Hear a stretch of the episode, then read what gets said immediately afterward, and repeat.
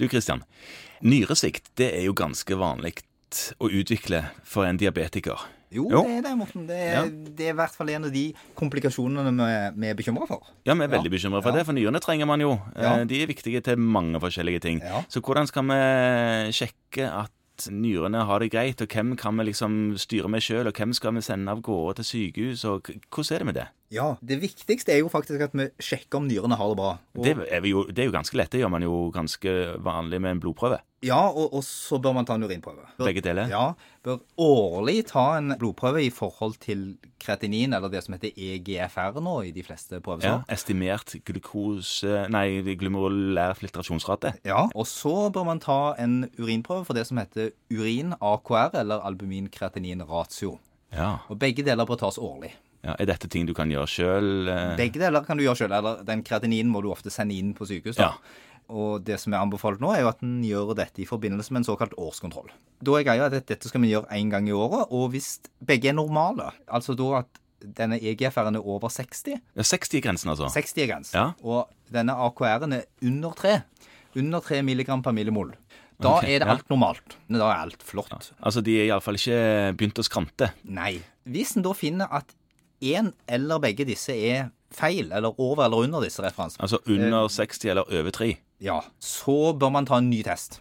For det kan jo være at dette var helt tilfeldig. EGFR er veldig følsomt for dehydrering, hard trening, en del sånne ting kan påvirke den. Nettopp. Bør man si noe til pasienten at du bare har en helt normal dag, ikke, ikke gjør noe vilt? Ja, det er liksom det er dumt å ha løpt maraton dagen før. Men erfaringsmessig så gjør nok vi det ofte sånn at når du får et rart resultat, så spør du pasienten etterpå hva gjorde du i går, og så tar du en ny. Og hvis den er også over, så er det nå lagt et veldig fint sånt flytdiagram for hva man skal gjøre med det. Eh, for det at hvis begge to er under, så er alt fint, og da skal det kontrolleres igjen om et år. Eh, hvis én av de er feil, Altså avvikende. da er det lagt noen sånn gradering på det. For Ok. Da sier de at det magiske tallet å huske er 30. 30. Det er 30. Fordi Ok. at det er 30 for begge to. Å, ja. Men Hvis EGFR-en synker til under 30, altså hvis den er mellom 60 og 30, så er det ikke helt bra, men det er noe du kan følge opp selv. Så det kan du drive på med helt sjøl på kontoret. Det Ja. kan du drive på med helt sjøl med kontoret. Og Hvis den er mellom der, så bør du ta en ekstra sjekk en gang i året.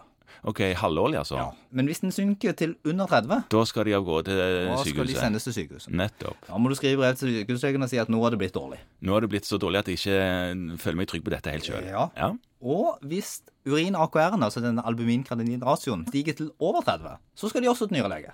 Å ja, så den er òg på 30, men Ja. den, var jo, den skulle stige himla mye. Var det ikke 3 som var Ja, det grensen? var tre som var grensen, men det er en logaritmisk skala, så det skal du ikke bry deg så mye om. OK, så jeg bare husker 30. Du skal huske 30. Greit. Så hvis den er mellom 3 og 30, så er det ikke helt bra. Du, Du kan- følger de opp en ekstra gang i året. Men hvis den stiger til over 30, skal de henvises til nyrelege. Ja. Sånn at hvis en av de er Avvikende. avvikende, så må du følge de opp. Og så er det ikke Nå skal vi nyansere det bitte litt, fordi at hvis begge to er avvikende, så Ja. bør du nok kanskje sjekke de tre ganger i år. Blir litt mer hissige. Være litt mer hissige. Ja. Men sånn i den praktiske hverdag, det du bør huske, er at hvis en av de avviker, så skal du ta en ekstra sjekk i Ja. året. Og hvis de synker til enten under 30 for kreatin EGFR-en, over 30 for albumin-kreatinin-ratioen, så skal de henvises til nyrelege. Det som i tillegg er viktig, hvis de begynner å avvike, så er det veldig, veldig, veldig, veldig viktig at du behandler kolesterol og blodtrykk skikkelig. Ekstra viktig nå. Ekstra viktig da.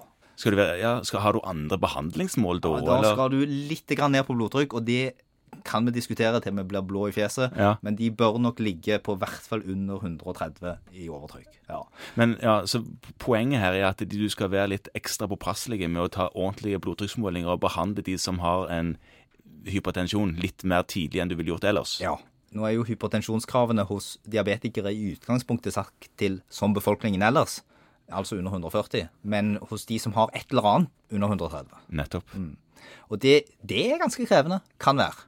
Ja, det kan det helt sikkert. Ja. Det er jo noen som er relativt behandlingsresistente på disse her. Ja. Så skal du også være litt ekstra forsiktig med NSIDES, og det har vi lyst til å minne om hos disse pasientene. Ja, for det har noe med nyreblodtilstrømningen å gjøre, har det ja, ikke det? det kan påvirke den. Ja. Og det vi ser, er jo det at hos de som begynner å svikte litt i funksjon, Ja. så må vi kanskje være litt ekstra forsiktige med å gjøre ting som kan påføre de en forverra nyresvikt. Og det er en utfordring for mange. Disse er gamle, og mange av de har vondter på uendelig mange plasser, og mange av de spiser Ibux. ja, ikke sant? Og det som kanskje er viktig, én ting er alt dette som, som vi sitter og forskriver. Det, det går det jo an å f- tenker at vi har litt kontroll på. Ja, vi bør iallfall. Ja. Men nesten alle disse insightsene kan man jo kjøpe i uendelige mengder på Rema 1000. Det er det man kan. Og det må man da informere disse pasientene ganske grundig om. At nå kan du få lov til å ta Paracet, men inntil den andre, uten at du har snakket med oss. Men hva skal en smertebehandle disse her med? Prednisolon, da? Nja, det, det er jo veldig uheldig hos en som har diabetes. Ja, er det ikke det? Jo, for da stiger jo blodsukkeret noe voldsomt. Ja, hva skal vi gi, da? Ja, nei da, du kan gi Paracet, og så kan du da, litt avhengig av smerten, så får du jo da vurdere Disse er faktisk en gruppe som godt kan få milde opiater. Ja, ikke sant? og eventuelt andre ting for nevropatiske smerter, hvis det skulle være relevant. Men OK, så for å oppsummere det her greiene her nå for å- Vi tar vare på diabetespasientene våre, selvfølgelig, men vi har et ekstra øye på dette med nyrefunksjon. Nyrefunksjon er viktig. Ja. Og da er det to tester vi tar, egentlig, for å undersøke dette her. Ja. I alle fall. Eh, Og det er EGFR. Den skal ligge over 60. Ja. Og så har vi albumin-kreatinin-ratio, som skal ligge under 3. ja.